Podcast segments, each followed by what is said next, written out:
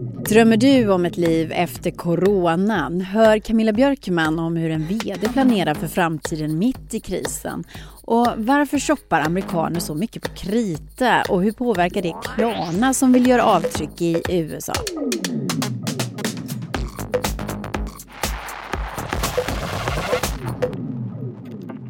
Hej hej och varmt välkomna till Breakits podcast. Katarina Andersson heter jag och innan vi drar igång med veckans telegram så vill jag tipsa om Breakits egen poddkurs den 6 maj.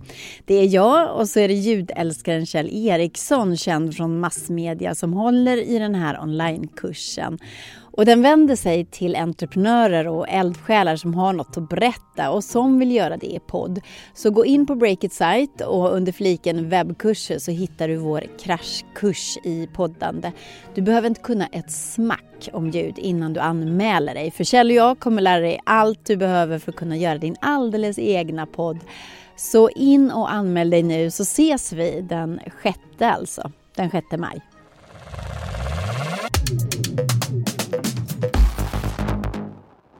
Ryktena kring Amazons intåg i Sverige har florerat i flera år men nu så kan det vara allvar. Breakit kunde i veckan avslöja att den amerikanska jätten har startat en filial i Sverige som registrerades hos Bolagsverket i februari i år. Enligt verksamhetsbeskrivningen ska filialen bland annat syssla med upphandling och distribution av produkter och tjänster via webbsidan amazon.se. Dessutom söker Amazon efter flera personer med anställning i Stockholm. Men som vanligt så ska vi inte ropa hej när det gäller Amazon. Det har ju också länge spekulerats i att bolagets försäljning kommer att ske från Tyskland. Så vi får se helt enkelt. Tiotusentals svenskar har köpt presentkort via Gojada presentkort som kan användas hos till exempel Spotify, H&M och Zalando. Men Gojada och systerbolaget Cashcom som också säljer presentkort har nu gått i konkurs. Och efter det så har konkursförvaltaren upptäckt att det saknas 178 miljoner kronor. Pengarna ska ha förts över till ett moderbolag och Breakit följer såklart det här. Frågan är om pengarna kommer dyka upp igen. Spel ska begränsas under coronakrisen. Nu säger socialförsäkringsminister Ardalan Shekarabi att den rådande situationen är en farlig cocktail som riskerar att öka riskerna för spelmissbruk. Med det så menar han att arbetslöshet, sjukskrivningar och ekonomisk osäkerhet i coronakrisens spår kan leda till att fler spelar. Han vill därför bland annat minska gränsen för hur mycket man får sätta in på ett spelkonto per vecka och göra det obligatoriskt för spelarna att ange gränser för speltiden när man spelar kasinospel. Hej, Olle här på Breakit. Och den här veckan så sponsras podden av Företagsbostäder som är en del av Petter Stordalens Strawberry Living. Att vara smidig, flexibel och hitta nya lösningar det har ju den här våren verkligen visat sig vara viktigare än någonsin. Och eh, det har verkligen också varit något som skiljer de företag som klarar sig bra eh, genom krisen från de som kanske inte gör det. Eh, när restriktionerna eh, väl har börjat lätta runt om i världen, eh, för det kommer de att göra, eh, då gäller det att vara startklar och eh, fortsätta jobba smidigt och smart komma igång med det snabbt. Företagsbostäder, de har ju komplett utrustade, centralt belägna lägenheter där medarbetare och konsulter från andra delar av landet eller andra delar av världen kan arbeta effektivt, bekvämt och tryggt. Eh, det finns givetvis kök och bra trådlöst nät i alla lägenheter. Och vill du veta mer om hur det här funkar och vem det kan passa då tycker jag att du ska gå in på företagsbostäder.se. Gör det. Tack Företagsbostäder!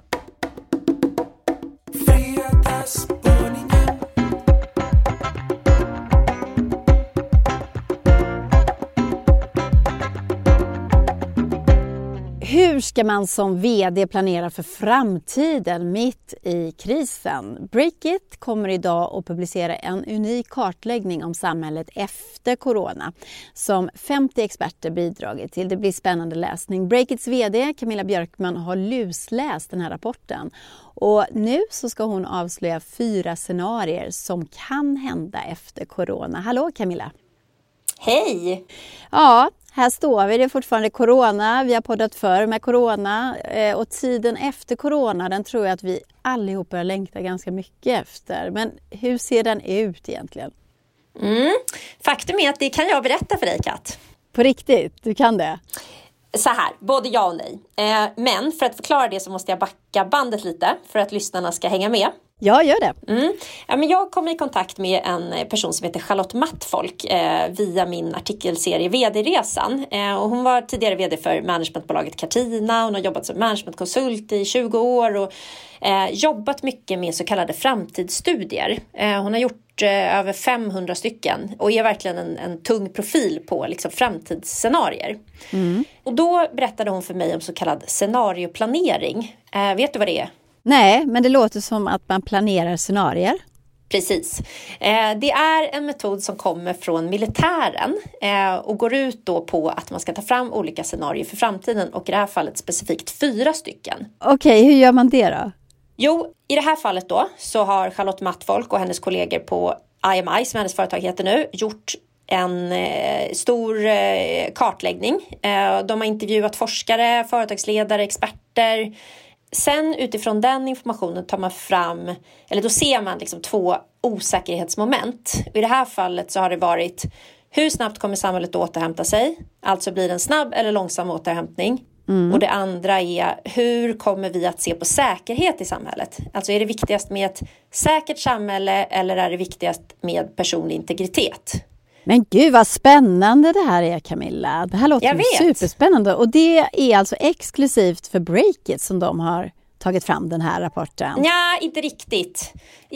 Jag kanske bollade upp det lite så, men de har gjort den här rapporten ändå eh, för att de jobbar med såna här frågor. Men just för att vi träffades och liksom fann varandra och jag blev också supernyfiken på det här. Kände, men här kan jag, det här kan jag dra nytta av som vd för Breakit.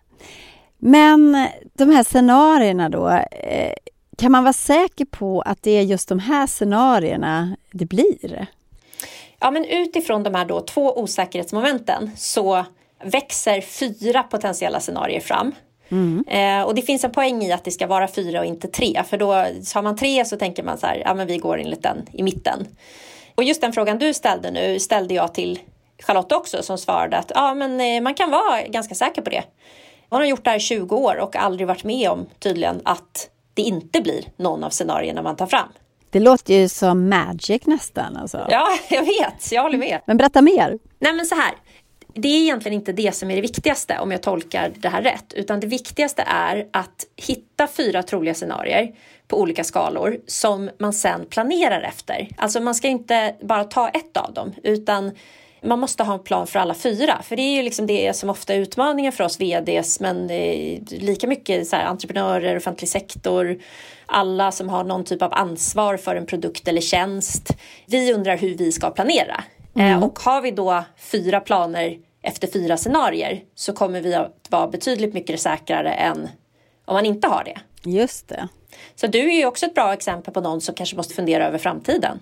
Ja, vet jag att jag har inkomster två veckor framåt så är det bra för mig.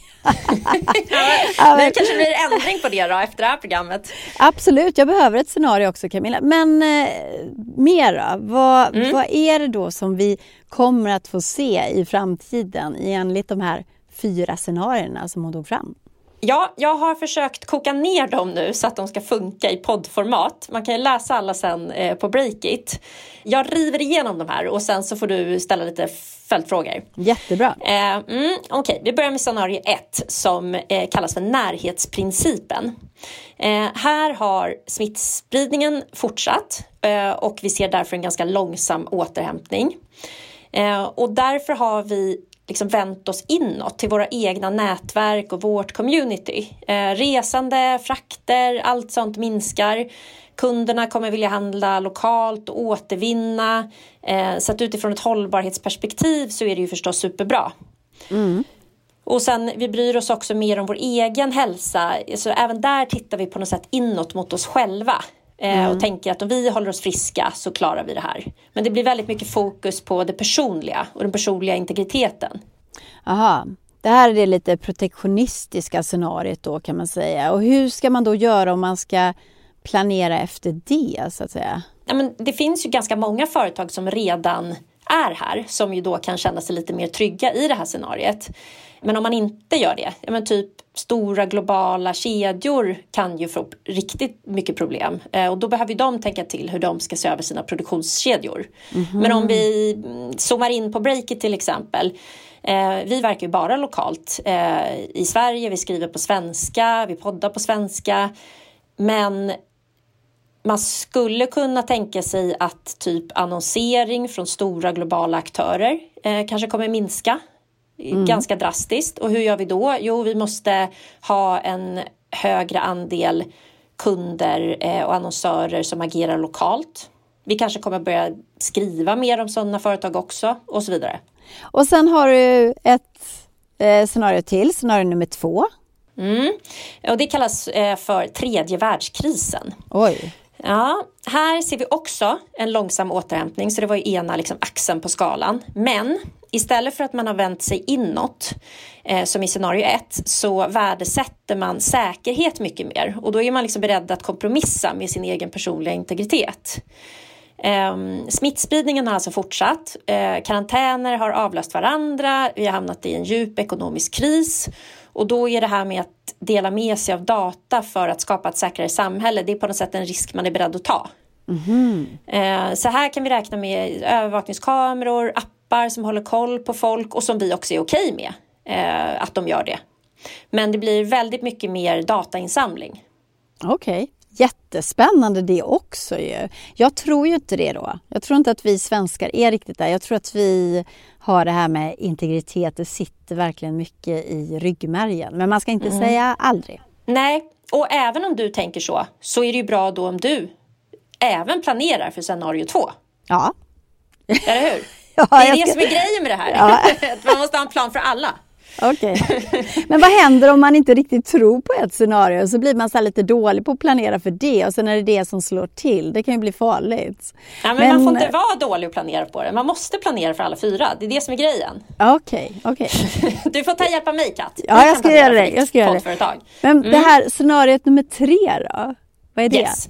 Eh, okay. Det kallas för ekosystem och efterfrågechock i Breakit-ord. Eh, du har och verkligen här... hittat bra så rubriker, väldigt catchy rubriker Camilla. Ja, kul jobbat. att du säger mm. det. Det är inte bara min förtjänst, men, men jag, har, jag har vässat dem lite så gott jag kunnat. Men, eh, men i alla fall, här så ser vi istället en snabb återhämtning. Så den eh, axeln har ju då förskjutits åt andra hållet.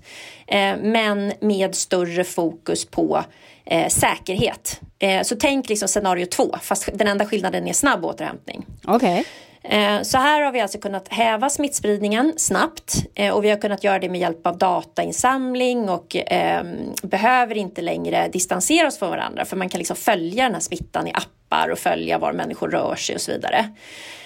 Um, och då är folk däremot så himla trötta på corona och sen ser de samtidigt att men, jag kan ju kolla var det rör sig folk. Så att alla bara drar ut och handlar. Det blir en efterfrågechock. Ja, och sätter sig på uteserveringar med andra som också då är immuna till exempel. Det här scenariot faller mig i smaken. Det där hoppas jag på.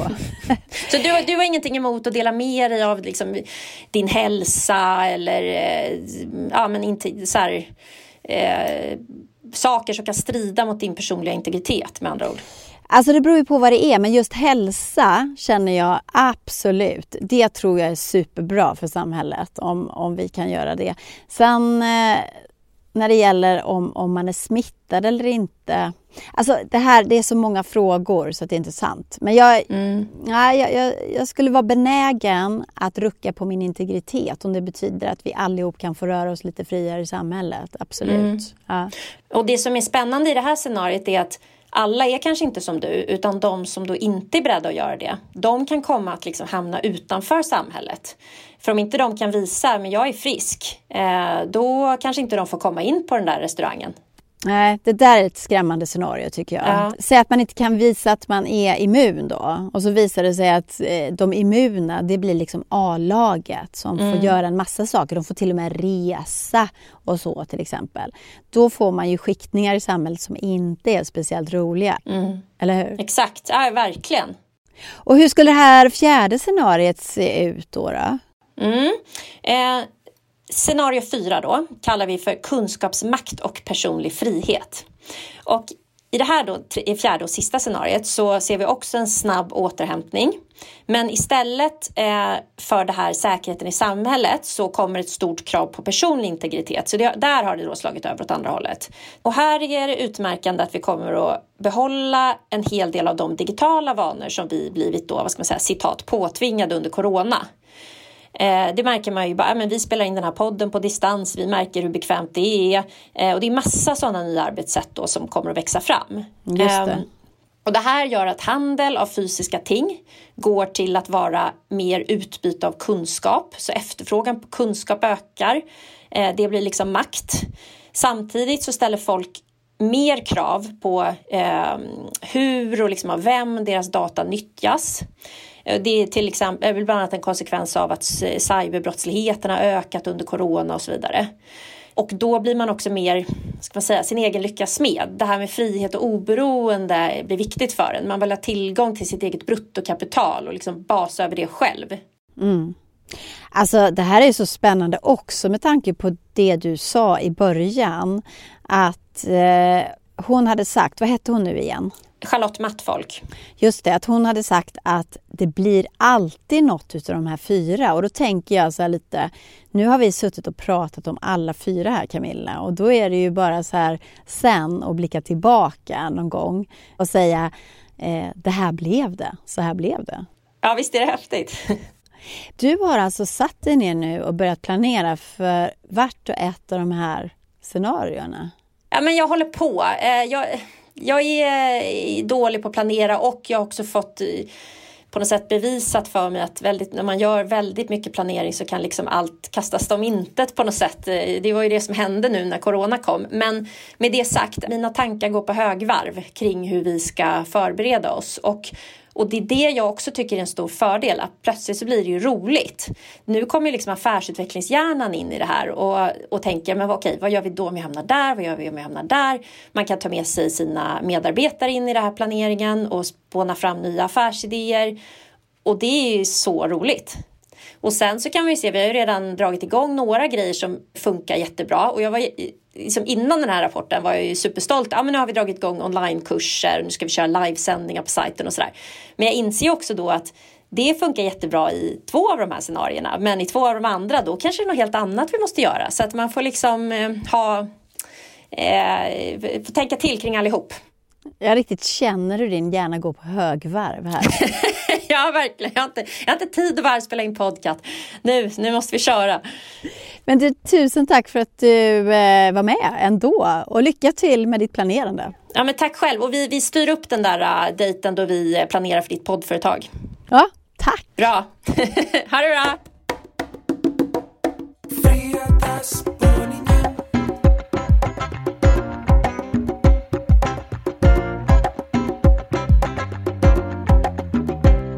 Amerikaner handlar rekordmycket med sina kreditkort och många har stora skulder. Varför är det så? Och hur påverkar det Klarna som storsatsar på andra sidan Atlanten? Hallå Olle! Hej Kat! Ja, vad roligt att du äntligen ska vara med! Du, vi ska prata USA nu du och jag. Eh, I USA så är arbetslösheten just nu rekordhög då i och med Corona. Och samtidigt så är det så att amerikanerna, de är ju ett folk med stora kreditkortsskulder. Och då kan man ju fråga sig, vad kommer att hända nu? Kommer alla arbetslösa kreditkortsbelånade amerikaner kunna betala tillbaka sina skulder? Kan du ge oss lite bakgrund här, Olle? Till att börja med så i USA då shoppar man inte riktigt som vi oftast gör i Sverige utan eh, där är det mycket vanligare att man eh, betalar det man köper med kreditkort eh, och sen efter en månad så ska man liksom betala den här månadens shoppingräkning till kreditkortsbolaget. Eh, du har ju bott i USA, vilket jag inte har. Känner du igen det här med att alla kör liksom sitt credit card hela tiden? Verkligen, Olle. För jag tänkte på det när jag bodde i USA, att det var liksom inte ovanligt att man hade kreditkortsskulder på kanske 10 000 dollar. Alltså, det var någon slags nollpunkt. På, på något sätt. Och jag funderar alltid över det. Jag hade inte ens ett kreditkort själv. Jag hade bara mitt debitkort. Så det där känner jag absolut igen. Ja, för det är en intressant kulturfråga, eller hur? Ja, absolut, att man är så belånad att det är så vanligt att man bara ska kunna gå och överkonsumera hela tiden. Mm, Men... Mm, ja, verkligen. Och, och, och, grejen är, eh, och i det här fallet då, de flesta betalar ju ändå i tid liksom och klarar sig rätt bra. Men eh, det är en del som släpper efter ganska rejält och då bildas det liksom ett, ett berg i USA av eh, konsumentkrediter. Mm. Eh, och, och nu är det lite just nu Day of Reckoning eller domens dag kan man säga för alla som har lånat ut till några av de här eh, kanske mer vidlyftiga eh, shopparna i USA. Du, här tänker jag genast på det här med bolånekraschen 2008 i USA, den stora finanskrisen. Det låter ju lite så, som att det plötsligt kommer en massa människor som faktiskt inte kan betala tillbaka. Kan det bli så i USA? Eh, ja, eh, det skulle kunna bli delvis så. Den förra krisen den handlar ju om bolån i USA eh, och världen. Den hade sitt ursprung där. och nu så finns det en del bankanalytiker och andra bedömare som tror att de här konsumentlånen kan bli nästa, nästa smäll helt enkelt. Som i värsta fall då skulle kunna sprida sig ut i i näringslivet helt enkelt. För att det finns så många företag som sitter ute med fordringar på de här konsumenterna i USA som, som en del av dem då kanske inte kommer kunna betala tillbaka nu. Det låter ganska skrämmande Olle. Och, och då tänker jag på Klarna som har gjort eh, ett inbrott i USA och vill eh, lyckas på den marknaden. Hur kommer det att påverka dem? Ja, eh, om man ska få någon Sverigevinkel på det så tycker jag Klarna är det bolaget som är enklast att, att titta på. För de håller på att förbereda sig för en börsnotering. Och bolaget har själva sagt att, att, att liksom fixa till USA så att det blir bra där. Det är nöten de måste knäcka innan det går till börsen. Mm. Eh, de har fortsatt um, expandera uh, väldigt mycket i USA. De har säkert investerat hundratals miljoner där. Uh, och uh, samtidigt är det tuff konkurrens och det tar tid att slå sig in i USA. Eh, och mycket av köpen där de, de sker ju eh, inom e-handeln med kreditkort förstås. Och nu när konsumtionen börjar stanna av så kan man ju dels tänka sig att Klarnas intäkter i USA går ner bara för att folk köper mindre. Men, vilket är kanske lite läskigt då, och det gäller inte bara Klarna, det gäller ju en massa andra betal och faktureringsbolag och så. Folk som har handlat på krita i USA inom e-handeln kan ju ligga rätt illa till på sina håll här när arbetslösheten eh, rusar så extremt snabbt. Mm. Eh, och då kan det ju förstås leda till att kreditförlusterna i Klarna går upp kraftigt i USA. Eh, alltså kreditförlusterna, det är folk som inte kan betala sina lån. Det blir liksom en förlust för bolaget då, på en fordran. Och när konsumenterna då får mycket lägre inkomster då är det mycket högre risk att sitta på den där lånen. Det är bara så det är. Mm. Och hur kan de skydda sig nu då om det här kommer som en stor våg? Kan man tänka sig att de drar sig ur USA? Det tror inte jag. Uh, helt enkelt för att de, det, är en, det är en för stor satsning för dem och de verkar se på det långsiktigt, vilket väl är positivt. Utan det handlar om mer det här om att för uh, egentligen vem som helst som har expanderat inom konsumentkrediter så är det väldigt, väldigt dålig timing nu. Och särskilt i USA är det tufft i och med att det är där som arbetslösheten går upp snabbast. Så att jag skulle säga för Klarnas del handlar det om att det ställer till det expansionen, det förstör tidsplanen, förstör eh, med dålig timing kan säkert skjuta upp eh, börsnoteringen. Det handlar liksom om att den där fina planen man hade eh, och som säkert många investerare liksom har sett fram emot att börsnotering och så vidare ska realiseras. Den, den planen förändras. Och det kan ju säkert få konsekvenser i flera led för Klarna men uh, om jag ska gissa skulle jag säga att de är så pass långsiktiga att, att de ändå kommer köra på USA. Mm. Men om man då ser på, på Klarnas eh, risk här så är det ju inte bara i USA då som de har sin affär utan i Sverige. Och är det inte så att vi har börjat låna mycket mer och börjat shoppa mycket mer på kredit här i Sverige också? Så är det. Eh, jag gjorde en kartläggning om det på, på sajten här om veckan. Ja, men det, det, är verkligen så. Det, det, växer mycket snabbare än lönerna i Sverige. Det växer mycket snabbare än BNP. Så alltså, vi är på, på väg att bli lite mer som, som amerikanerna där. Och det beror ju i grunden på att det är lättare för handlare, e-handlare bland annat att sälja grejer om kunden kan få köpa nu men betala sen. Mm. Och det gör ju liksom att, att både finansbolagen och handlarna har ju liksom incitament helt enkelt för att få folk att, att köpa på, på kredit. Sen är det många eh, hedervärda personer i branschen som inte alls uppmanar folk till att göra det men eh, det kommer, jag tror, så länge det är lagligt så kommer det alltid finnas aktörer som, som vill driva folk till att delbetala och skjuta upp betalningar och så. Helt enkelt för att det är en, en bra affär för, ja, för alla utom den konsumenten om man ska vara lite krass. Och förutom då om det går dåligt för konsumenterna så de inte kan eh, betala tillbaka sina skulder. Hur ser det ut här i Sverige då med de här kreditlånsbolagen? Jag tror ändå efter att ha tittat närmare på det här att liksom generellt sett för vad ska man säga, en skötsamt konsumentkreditbolag i Sverige så har man nog lite tur nu att vi har det här med statliga stöd och permitteringar och a-kassa som liksom stöttar upp lite. Eh, ett exempel från USA är ju Lending Club eh, som är ett peer-to-peer konsumentkreditbolag kan man säga. Eh, de sparkade 30% av sin personal nu här i veckan. De, och de verkar vara i kris kan man säga. Medan den svenska motsvarigheten får man väl ändå säga, eller som jag i alla fall tror är inspirerad av Lending Club, de heter ju Landify.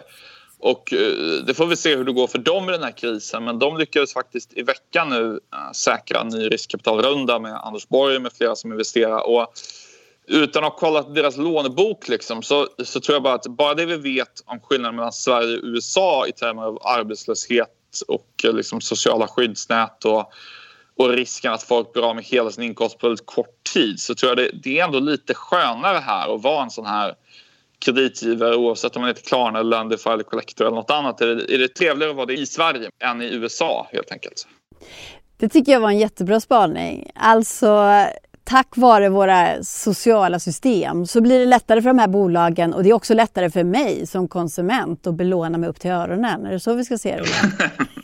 ja, men det är nog um, ja, lätt. Jag vet inte, jag, tror det, det, jag upplever att det är lika lätt i båda länderna att belåna sig upp eh, om man vill det, uh, om jag ska vara ärlig. Jag, jag, tycker så här, att belåna sig upp över öronen det är, mm. lika lätt i, i, det är lika lätt i både Sverige och USA och säkert i, i liksom massa andra länder också. Eh, men det är just det här med vad som, i vilken mån man riskerar att väldigt snabbt bli av med sin inkomst. Alltså, är du med? Kostnadssidan. Ja. Kostnader kan man dra på sig hur lätt som helst, var som helst känns det som. Men just att hela ens inkomst, andra delen av resultaträkningen för en privatperson, att det försvinner på väldigt kort tid. Där är det faktiskt skillnad mellan länder. Och där är det skillnad mellan oss här i norra Europa och uh, i USA. Hej, det här är Camilla på Breakit som hoppar in för att säga att vi den här veckan sponsras av Rekomo. Återbruksaktören som köper, säljer och hyr ut begagnade kontorsmöbler till företag i hela Norden. Bland annat till Breakit faktiskt. Vi har ett superfint och hållbart kontor mycket tack vare Rekomo. Men just nu när många jobbar hemifrån eller från tillfälliga arbetsplatser så har Rekomo ett erbjudande där de utan bindningstid hyr ut kontorsstolar, skrivbord eller fällbord för 65 kronor i månaden. Det är ett enkelt och miljövänligt sätt att se till att eh, du och din personal inte sitter och arbetar oergonomiskt. Och låter det här intressant? Ring till Rekomos växel på 010 33 33 111 så får du hjälp att lägga en order. Och Rekomo erbjuder en snabb hemleverans och eh, ser såklart till att personalen som levererar är symptomfri. Så stort tack Rekomo! Breakits podcast är tillbaka igen nästa vecka med nya färska spaningar från det nya näringslivet. Caroline Englund är vår poddredaktör, Camilla Björkman och Olle Aronsson spana och jag som klipper och mixar heter Katarina Andersson. Vi hörs!